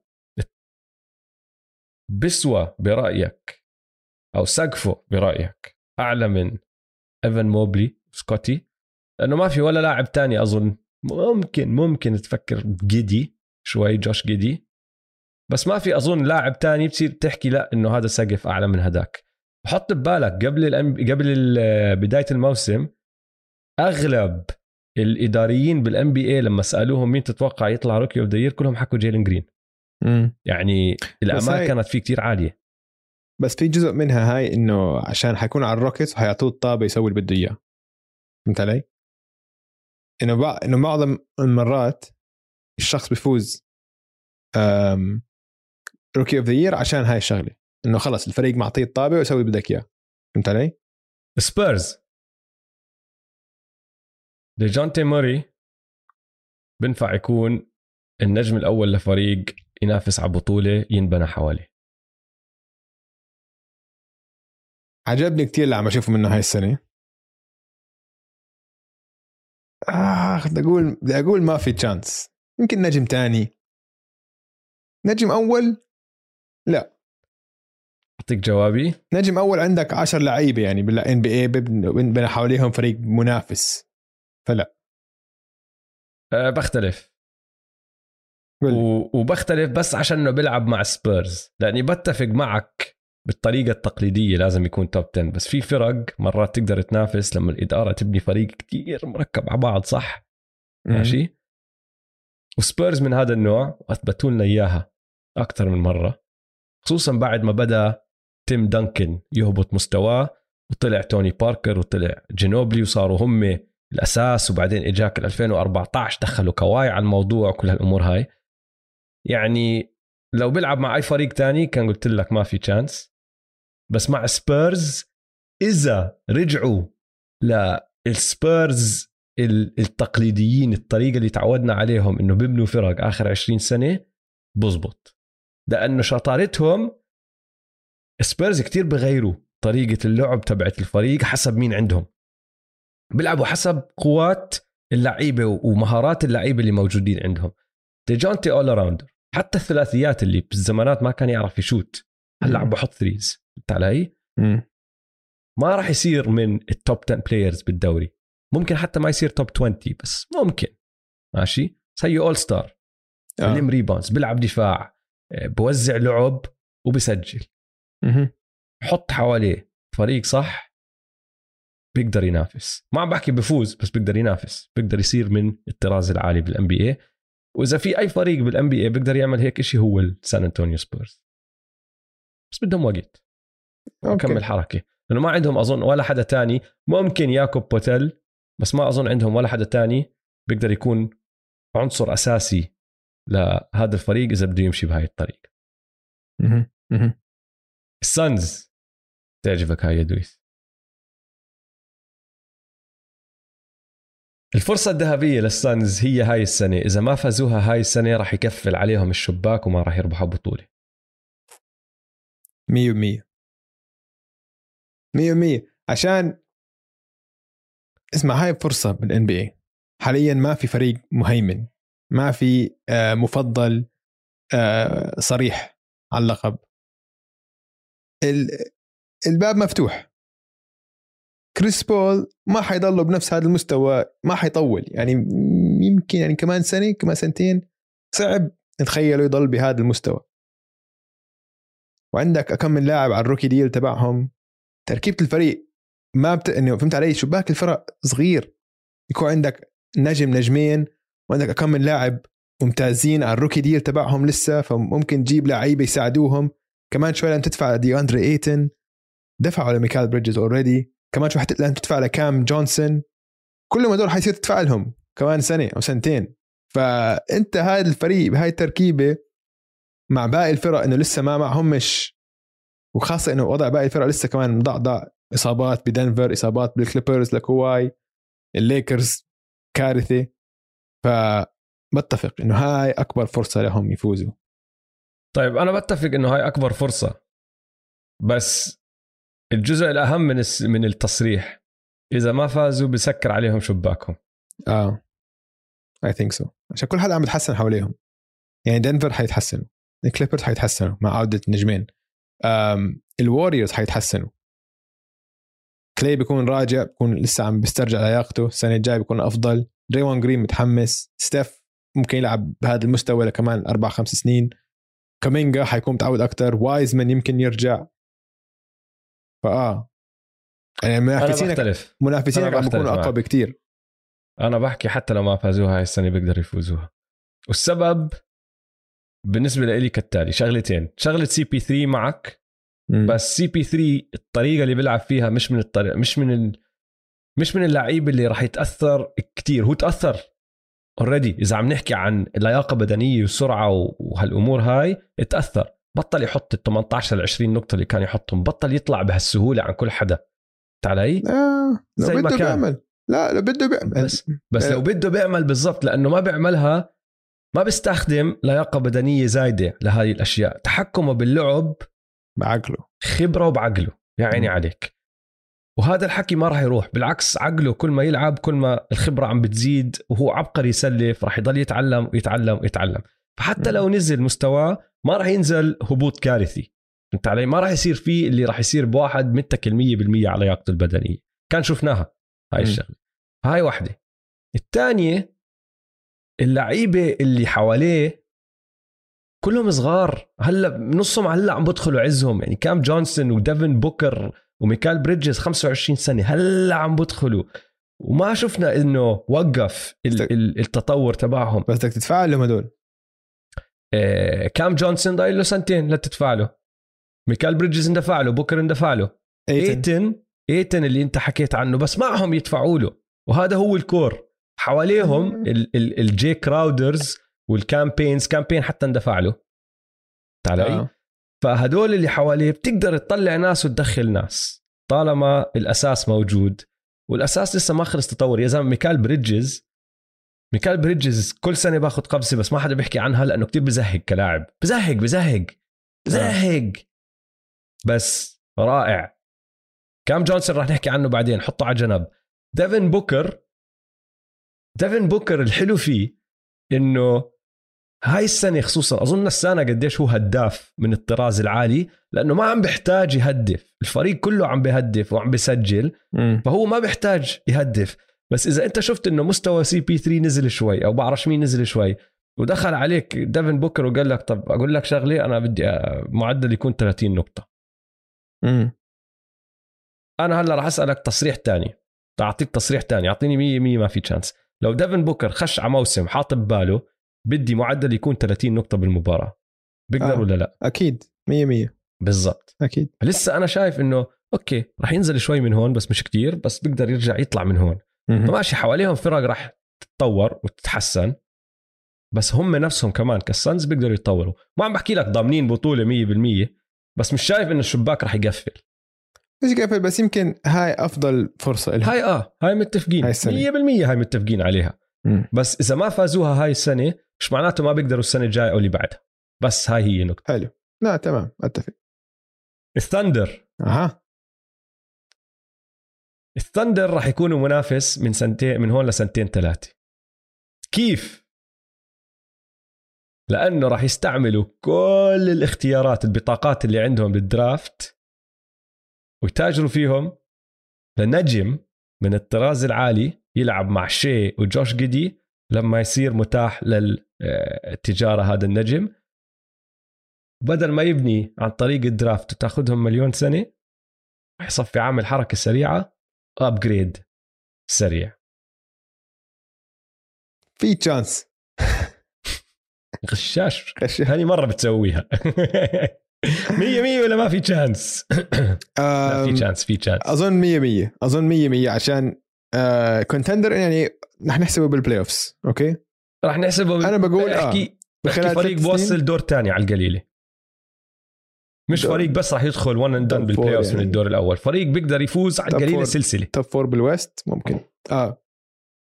في chance إنت عندك آه عندك picks الدنيا عندك نجم. عندك نجم رهيب. نجم رهيب اللي هو شيء. وما بتعرف لسه نجم ثاني طالع. لسه عندهم كمان draft كمان هاي السنة والله بيعلم شو بيجيهم هاي السنة. عندهم 50 pick أظن بال draft طيب آه التريل بليزرز. من هون ثلاث سنين انفرني سايمونز راح يكون all star ما في chance بتفق. وقعدت أحسبها. عشان اللعيب. الثاني مان معبى ال West بالضبط. لأنه أرقامه للعلم يعني لو تطلع على أرقام انفرني سايمونز من شهر واحد لليوم 23 نقطة 3 rebound 6 assist وعم بحط 4.4 آه، ثريات بكل مباراة بنسبة 42% أرقامه أرقام all star ماشي؟ آه. بس وين المشكلة؟ زي ما أنت حكيت. إذا عم نحكي من هون لثلاث سنين ما عم نحكي للمستقبل البعيد عم نحكي المستقبل القريب آه. مين راح يكون عندك عم بنافس على اللي هم ست لثمان مراكز بمباراة ال all star لأنه عندك اثنين guards أساسيين وعندك اثنين الاحتياطيين وعندك اثنين wild cards وزيد لك كمان مركز مركزين إصابات. فأنت عم تحكي ما بين الست لثمان مراكز لأي guard يدخل على ال all star game ماشي؟ عندك ستيف لسه بيكون موجود ديفن بوكر جا مورانت جمال موري لوكا دونتشيتش دونوفان ميتشل ديميان ليلارد آه، ديجونتي موري شاي جيلجس الكساندر وغيرهم راح يطلع ناس نحن مش متوقعينهم هلا. بالضبط بالضبط. عشان هيك. فأنت هاي هدول تسعة اللي أنا ذكرتهم. بالضبط. أنت لازم تكون من أفضل ستة لثمانية عشان تدخل ال all star game. هل بيقدر يعملها؟ صعبة جدا. صعب. صعب. اتفق الوولفز. آه ال core هذا اللي هو كات آه دي انجلو انتوني إدواردز مع كم حدا حواليهم. بيقدروا مع كم حركه صغيرة هون هناك ينافسوا على بطولة بالمستقبل. ما عم نعطيهم time limit عم نحكي مفتوح بالمستقبل بس. ما في chance ما في chance ما في chance آه بدك توضح ليش؟ آه، شوف يا أخي إيش شفنا منهم؟ نص موسم محترم. صار لهم 100 سنة. يعني أوكي أنثوني إدواردز وكات موهوبين. بس هذا الشيء الوحيد اللي بقدر أحكيه بصراحة. هل هم لعيبة آه، عندهم ثقة الفوز؟ هل هم قا... آه، بيصلحوا يكونوا قائد فريق أو إشي؟ ما بعرف. إنه ما إنه عندي كتير أسئلة عن هذا ولسه ما ما ورجوني ولا ما في إشي بتاريخهم بيعطيني ثقة إنه آه هذول اثنين ممكن تبني عليهم. الشيء الوحيد اللي بقدر أحكيه إنهم. موهوبين. فقط. greatest lineup ever آه. بالضبط. طيب اسمع أنت. آه نعدل التصريح شوي. امم كارل انتوني تاونز بينفع يكون أفضل لاعب على فريق بنافس؟ ثاني أفضل لاعب. شريك. ما عنده شخصية. علي؟ too nice حلو. too nice okay. آخر فريق يا آه. آه. جولدن ستيت ووريرز أيوه. ستيف كير مفروض يحط كلي تومسون على ال bench. من هون لنهاية الموسم. لا أكيد لا. أكيد لا. بس مش شرط تلعبه يعني آه إنه 30 دقيقة بالمباراه لعبه 25 حيث ما يستعيد لياقته. صار له سنتين ونص مش لاعب الشاب. آه، هاي هي. بس ما ضل عندك أنت كتير وقت عادي يكون starter. لا يكون starter وإذا إيده سالكة خليه على الملعب إذا لا حطه على ال bench. حسب الزلمه لعب لعب 20 مباراة فصرنا حاضرين له. آه بس. عدد منيح ماشي؟ okay. في شغلتين واضحات كتير مع كلي تومسون للأسف. بطل المدافع اللي كان. ما بصير تحكي هيك. بطل. ما في. بدي تحكي ممكن لحد يرجع الآن السنة الجاي بس حالياً لحد لا. الآن ما إنه لحد الآن ما لحد تحكي. بطل، أنا عم بحكي؟ لحد الآن آه لحد الآن. الطريقة اللي حكيتها إنه نهائيا خلص انتهى بطل لا ما عم بحكي لا، أنا عم بحكي. هذا الموسم أكيد هذا بس. هذا بس ولا حدا كان اللي كان متوقع إنه كلاي يرجع يكون مدافع ممتاز عايش بعالم 100%. الأوهام أنا وياك. حكيناها مليون مره. مستحيل كان يرجع طيب مدافع على الجهة الثانية آه، سرعته خفت أكيد أكيد 100% ماشي ولما واحد زي كلي سرعته تخف هاي مشكلة لأنه كلي ال- ال quick release تبعه كان جزء أساسي. لسه عنده quick release عنده quick release ما عنده quick movement بعرف. يعني آه. كان يلف حوالين screen ويكون ماسك الطابة وجاهز يسدد أسرع بثانية من اللي عم بصير معه هلأ. أكيد. هاي الثانية بتفرق بال NBA أكيد. ماشي؟ فانا ما عم بحكي لك إنه ما بيقدر يلعب مع الوريورز أنا عم بحكي إذا بدهم يزبطوا أكمل شغله من اللي عم بيصير معهم هاي السنة لأنه عم بيصير معهم مشاكل ماشي؟ مم. كلي ما عم بيساعدهم يحلوا هدول المشاكل؟ لو يلعبوه بدور جوردن بول ويلعبوا جوردن بول بدورهم أفضل. لا أتفق بشدة. لا أتفق بشدة. أقول لك ليش. مشاكلهم عشان دريمون جرين مش هناك. هاي أكبر أكيد. أكيد. مشكلة. أكيد. ومشاكلهم عشان ما في حد تاني يصنع لعب. هاي أكبر مشكلة. فأنت لما ما يكون عندك هذا العامل وهذا حجر الأساس بالدفاع عم تحط pressure زيادة ضغط زيادة على كتير لعيبه كلي 100% مش اللاعب اللي كان كلي قبل الإصابة. ولكن لو أنا مدرب الهاد لو أنا ستيف كير بمباراة وقت الحسم بمباراة ال playoffs بدي كلي على الملعب آخر خمس دقائق 100% عشان ممكن يسلخ أي تسديده ممكن بأي وقت يسلخ ثلاث أربع تسديدات ثلاثيات بآخر بآخر ال quarter وما بثق بأي لاعب بثق فيه أكثر من ستيف بآخر المباراه للتسديدات بال quarter الرابع لهالدرجة بثق بكلي. فبخليه أعطيك، آه، رأيي أنا. أعطيني. آه، أنا أظن لازم يكون احتياطي. مش معناته ما يلعب بالآخر.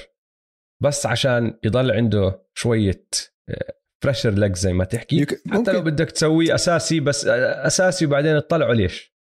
عادي. لا أقول لك ليش؟ ليش عشان؟ لا ليش؟ عشان استنى. احترام احتراما لمعنوياته. ولنفسيته. طيب خليه يلعب؟ أول ثلاث دقائق أربع دقائق بعدين آه. دخل بول خلي كلي يلعب أقل من 20 ل 22 دقيقة okay. وبول يلعب أكثر بتفق. لتشوف إنه لياقته تحسنت ماشي؟ ماشي. وين القصة بس الثانية؟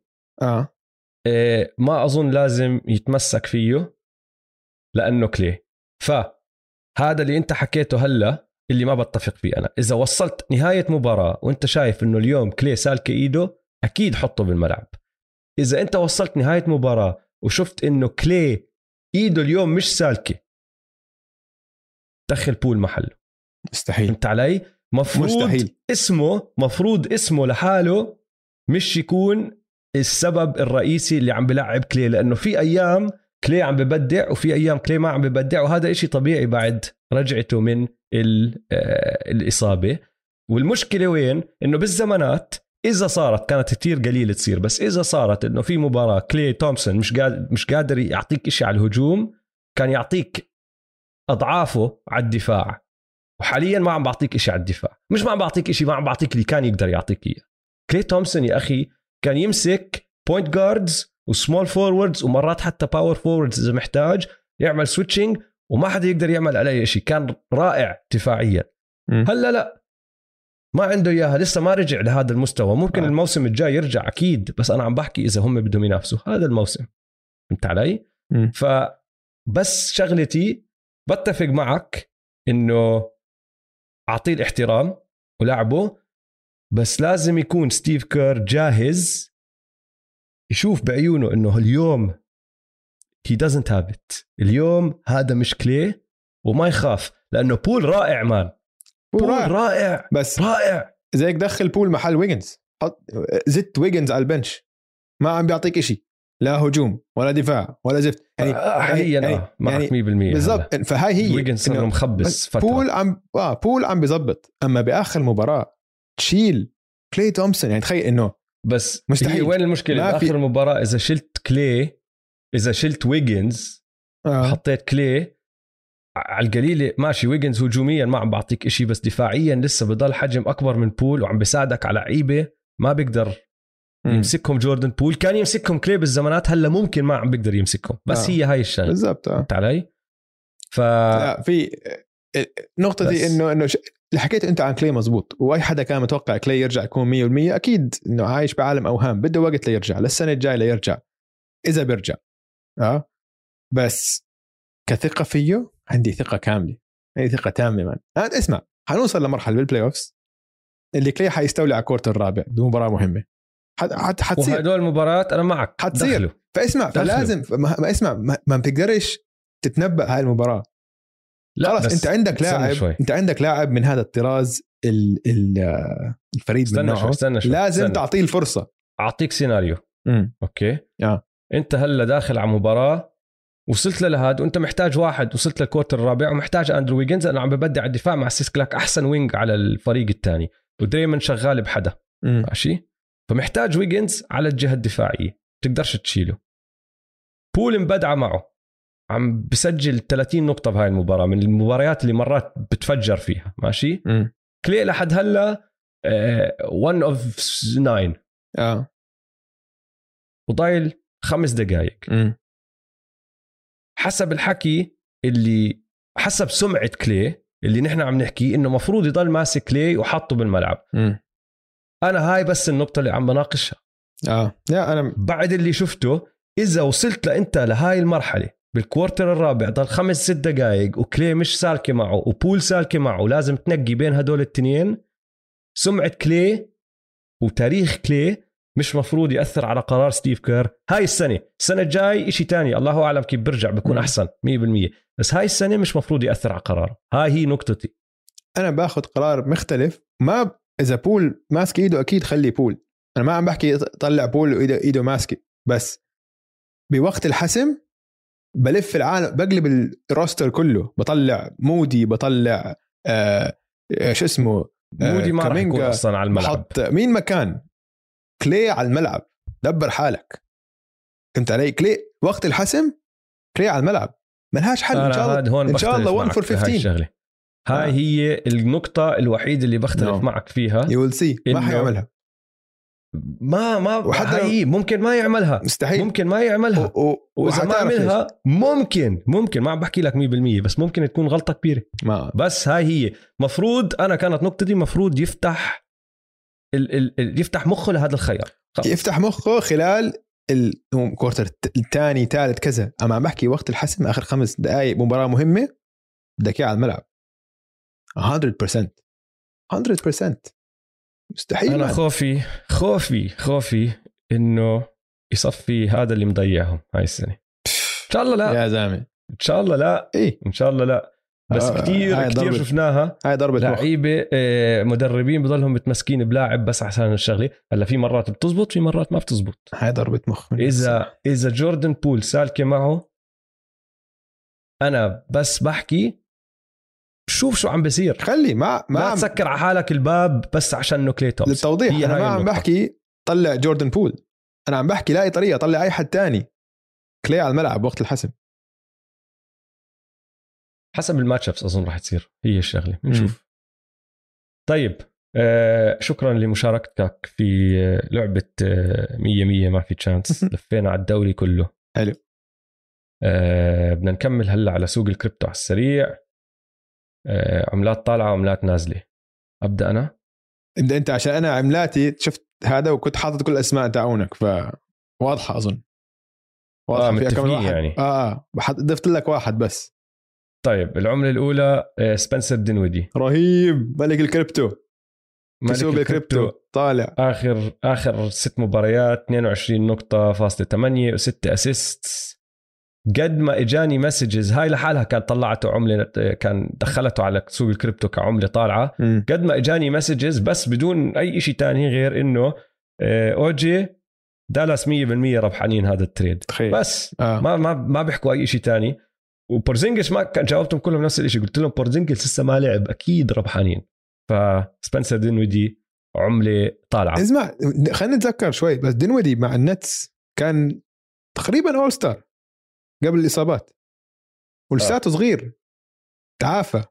هو بس كان بوضع مزري بفريق كئيب مثل الويزردز فما كان بيلعب منيح ما كان متحمس. حتى في مقابله حطيت له إياها إنه كان عم بحكي لما كان مع الويزردز كان عم بحكي إنه بصراحة حاولت إنه أرفع إنه آخذ دور قيادي بالفريق.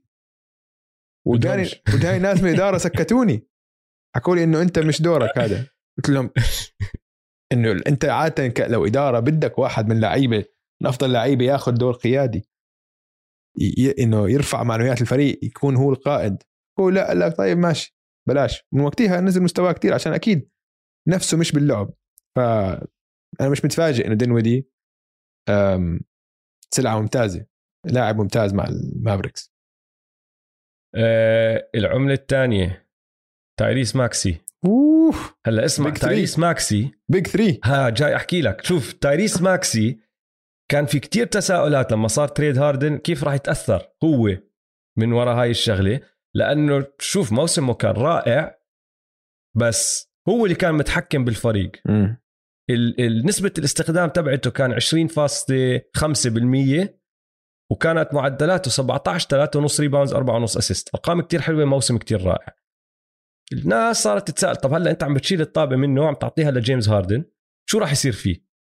نسبة استخدامه زادت يا دويس. زادت طلعت ل 22% يعني طلعت آه، واحد ونص بالمية ومعدلاته شمطت من 17 نقطة ل 23 نقطة ونص ال rebounds 3 ونص نزلت لثلاثة وال assist طبعا نزلت من 4 ونص لثلاثة متوقعة. صار عندك playmaker اللي هو جيمس هاردن عم بيسلم لعب لكل حدا. بس وين ال ال ال الحلو المفاجأة السارة جدا باللي صار مع تايريس ماكسي؟ إنه الاخت- الاستخدام زادت لأنه الزلمة ما عنده مانع يركض بدون الطابة. مم. هو كان ماسك الطابة ومتحكم فيها. دائما ball in hand ونازل. اجى جيمس هاردن قال لك طيب أنا راح ألف حوالين screens أنا راح أركض أفضي حالي. شوف شوف الإحصائية اللي بتجنن. قبل ال all star game كان معدله آه، 1.4 ثلاثيات بكل مباراة. بعد ال all star game 3.2 نسبة تسديد 61% 61% عم بشوت. فالوجود هاردن والإهتمام اللي بعطوه دائما الدفاع الخصم ل- لجيمس هاردن. وطبعا قدرة جيمس هاردن بصناعة اللعب مع إرادة أو قابلية آه، تايريس ماكسي إنه يتحرك كتير فادته كتير فادته. فنرجع للتعليق تبعك. صار هو ال big three مع مع إيه. جويل إمبيد وهاردن صح؟ صح. كحش توبايس هاريس على جنب أكيد man. أكيد. أكيد. رهيب. وحش صراحة. داريل موري بحب. إنه مستقتل فهمت علي؟ هيك بيلعب بشراسة بيلعب آه. هيك بحط بانه بيعطيك كل اللي عنده بالمباراة. هذا أهم شيء باللاعب. داريل موري هلا اسمع رجع. توبايس هاريس رجع. مصاب ها؟ ما إنه ما شفناه آخر فترة. آه صح؟ بس دقيقة نقطة قبل ما أنسى وهلا بحكي برجع لك على توبايس هاريس داريل موري السنة الماضية ما قبل يعمل trade لتايريس ماكسي محل جيمس هاردن والكل حكى إنه يا أخي شو اللي عم بيصير؟ كيف يعني ما بتقبل لهاد ولا هداك محله؟ وهيو طلع فهمان الدنيا. طلع عارف.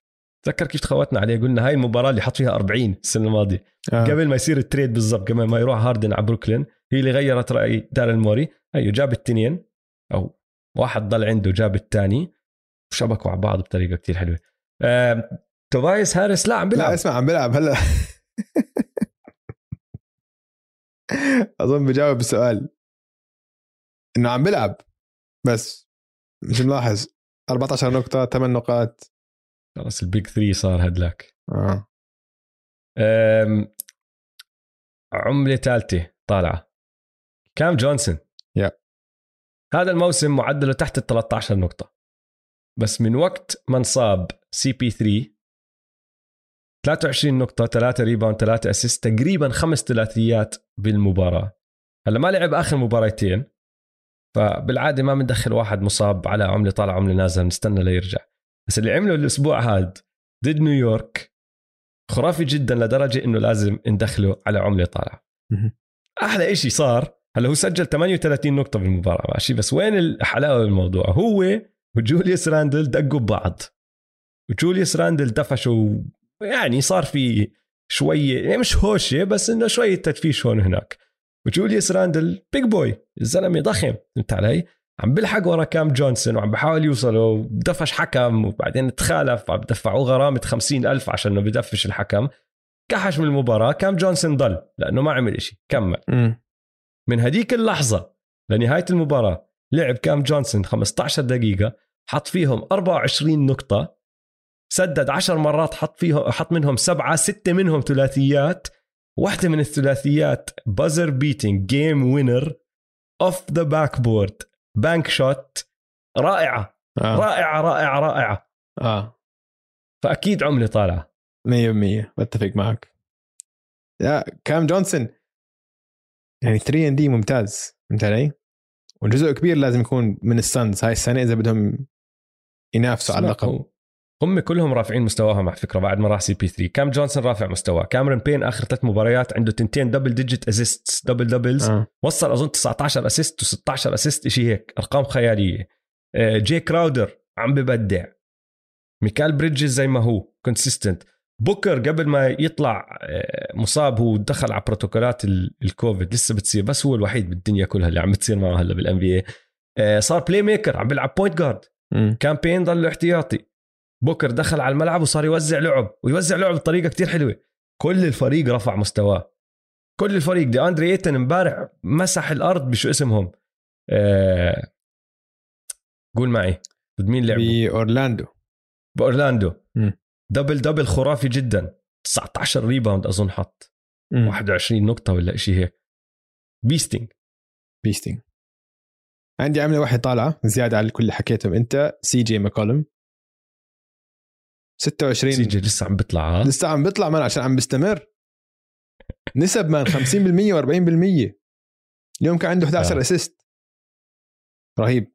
بتمنى يصير اول ستار بما إنه حكينا عن الوست مطفح جاردز بس إذا برجع الهامل زايون وبصيروا فريق محترم بينافس بصير هيك تنتبه عليهم أكثر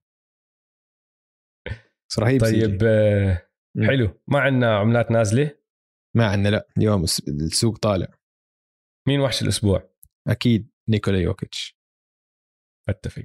أكيد نيكولا يوكيتش. هذا الأسبوع معدله لعب ثلاث مباريات. راحت عليه مباراة أول شيء لشيء حدث نادر جدا جدا. آه, م... بدع فيها ديماركس آه بالضبط. حطيناها عمله طالعه بدعت عليها بيومين.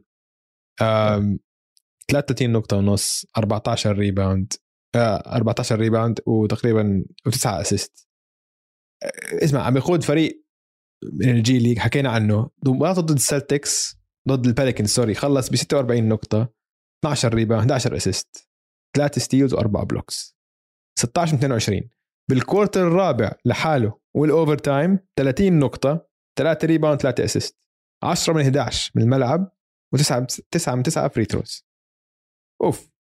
هاي لحالها مباراة رائعة. تخيل. هاي بس كانت quarter الرابع وهذا ف 100% بحتاجه ال MVP تبعي لحد الآن.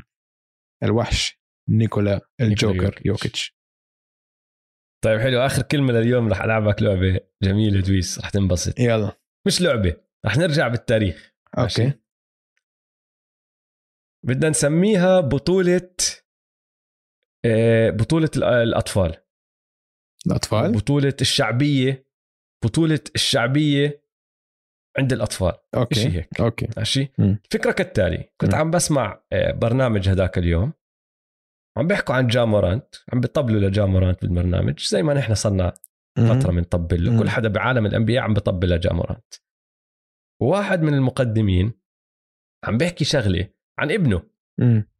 عم بحكي لك كيف ابنه عنده يمكن 12 jersey جا مورانت كل jersey بتطلع آه. كل لون بيشتري. آه؟ هذا ابن كريس فيرنن آه.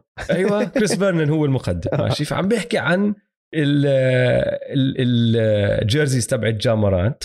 وكمل الموضوع ودخلوا بأولاد صف ابنه وشو بحبوا وصار يعد. بحكي لك اسمع بصراحة جا مورانت عم بيطلع بال rankings من ناحية شو بيشتروا شو مين بحبوا الأول أكيد ستيف بعدين في عندك جا هلا كل حدا متحمس عليه ماشي. خلتني أفكر هاي الشغلة. في فرق كتير كبير بين أحسن وأفضل لاعب بال NBA وأكثر لاعب له شعبية خصوصا عند الأطفال. مم. لأنه لما تكبر وتحضر بتصير تحبهم لأسباب تانية. يعني أنا وياك بنحب يوكيتش على سبيل المثال وكثير ناس بيحبوا يوكيتش عشان طريقة لعبه. بس واحد صغير طفل صغير ما أظن يتحمس على نيكو- نيكولا يوكيتش زي ما بتحمس على واحد تاني. جا مورانت هلا عم بصير هذا النجم اللي الأطفال كلهم بحبوه. ستيف كان هذا النجم اللي كل حدا آه، صغير عم بتربى بده يصير زيه. the coolest زي ما تحكي. فهمت علي؟ ف بدنا نرجع بالزمن ونشوف مين هو بطل الأطفال سنة ورا سنة بالان بي اي بالحقبات كلها. وأنا حطيت القائمة وراح أحكي لك السنين ومين هو وأنت راح تحكي لي آه ولا لا إذا نسيت حدا هون نسيت حدا هناك تمام. برجع بعيد مش مفروض ما عم نحكي عن أفضل لاعب آه. آخر 40 أكثر سنة شعبية. كل سنة ورا سنة أكثر لاعب عنده شعبية عند الأطفال مهم.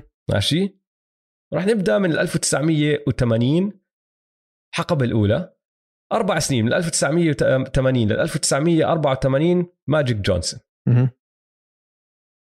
تتفق؟ يعني شوف مش 100% ماجيك عشان بعتقد على ال- بالايست كوست كان عندك لاري بيرد وبوسطن محبوب كتير. فهمت علي؟ خاصة كمان أبيض وهيك فيعني أكيد كان في له شعبية كتير كبيرة كمان. فما بقول ماجيك جونسون كان أشهر واحد بكل ال NBA أكيد. آه، أنا برأيي كانت ماجيك بس عشان إنه Showtime وعم باخذ بعين الاعتبار الدنيا كلها ما عم بقسمها East versus West ولا اللي هو. لاري بيرد بس ك- بس اسمع، كان هم ما اتنين. كان cool ما حتى كان cool بس اسمع حتى كان ال حتى ال- ال- ال branding تبع ال NBA كان ماجيك لاري. okay. ما عمره مفهوم. كان ماجيك لحاله. مقبول. فعم أه. نحكي 1980 لل 84 كان في اثنين. لا ال 85 متقسمين متقسمين البلت. لا ال 85 ماشي. متقسمين هدول الاثنين. آه. بعدين من ال 85 ل 92 MJ ما في أي شك. ب- ل بالدنيا. 93 ل 93 هلا بحكي لك شو صار بال 93 أظن 92 ماشي؟ 93 خش واحد صغير. قعدت أفكر فيها. أظن من من ال 93 لل 94 كان شاك. لا مان اسمع. كان كان فكر فيها كان أنت عنده شعبية. برجع بعيد. فكر فيها مش كشعبية عامة أطفال. بس أطفال. أطفال بتذكر. بتذكر لما شاك دخل الان بي بتذكر حتى كان في مطار رحت على لندن مرة ب Foot Locker كانوا حاطين حذاء شاك ال- الريبوك كان مثل السفينة حجمه. آه. كان له كان له أثر كبير. واللوجو تبعه اللي عم بدنك على ال... على بالضبط. الهاد. بالضبط بس ما كان بيقرب على جوردن man أنت لا بس جوردن عن- لأنه كان باني. حتى لو أنا عم بحكي فاهم. السنة. لسه. لبعديه حتى افلام حتى لما دخل. كان حتى لما كان بالبيسبول كان لساته كان هو أشهر لاعب سل إنه الناس مش مصدقة إنه رجع إنه ما إنه طلع قصدي فهمت علي؟ فلا لا أتفق ما عمره وصل إنه هو المفضل وجوردن على الملعب يمكن السنة اللي بعديها 94 آه بقول لك هو صار ال face of the league طيب أنا حطيت 93 94 شاك. آه. بعدين 95 96 جرانت هيل. لا رجع جوردن. ما قرب. جوردن جوردن برأيي آه، ما رجع. على اللقب ما أخذ اللقب من بعد ما طلع من البيسبول. لا. برجع بعيد أظن أنت عم بتفكر شعبية بشكل عام. أنا عم بحكي لك الولد الصغير الولد اللي عمره سبع مم. سنين. بال 1995 هاي أنا بتأكد متأكد منها ماشي؟ 94 بناقشك 93 ماشي كان لسه جوردن بالهاد. بعدين طلع السنتين اللي هو برا الدوري ما عم نحسبه لأنه خلص صار لاعب برا. حتى لما رجع ما أظن كان نفس اللاعب okay. بشعبيته مع الأطفال اللي كان فيها بال 84 85 86 لما كان high flying جوردن عم بدنك ال- ال Air Jordans cool أهم شيء ال cool player اللي دخل عليهم جرانت هيل كان له له فترة كتير محدودة بس كتير قوية إنه صار جرانت هيل فهمت. علي؟ فمشان هيك بحكي لك يعني 95 لل 96 بحط جرانت هيل okay. 97 دخل واحد سكر على الدنيا. لا ثلاث سنين بلكن. امم آلين آيفرسون. أتفق أكيد. بعدين بال 2000 لسنة واحدة. آيفرسون هون بس في كان في واحد جنبه بالضبط اللي هو فينس كارتر. لسنة. واحدة. كان عم بدنك على راس كل حدا وبعدين ال slam dunk contest بال 2000 اللي راح تكون حلقتنا الجاي على Step Back للعلم يا جماعة. نازله اخر الشهر. أوه. أخذ ال lead وصفى هو بطل الأطفال مع إنه ايفرسون جنبه. بالضبط موجود. آه. ماشي؟ اسمع أظن كمان لازم نحط كوبي هون شوي.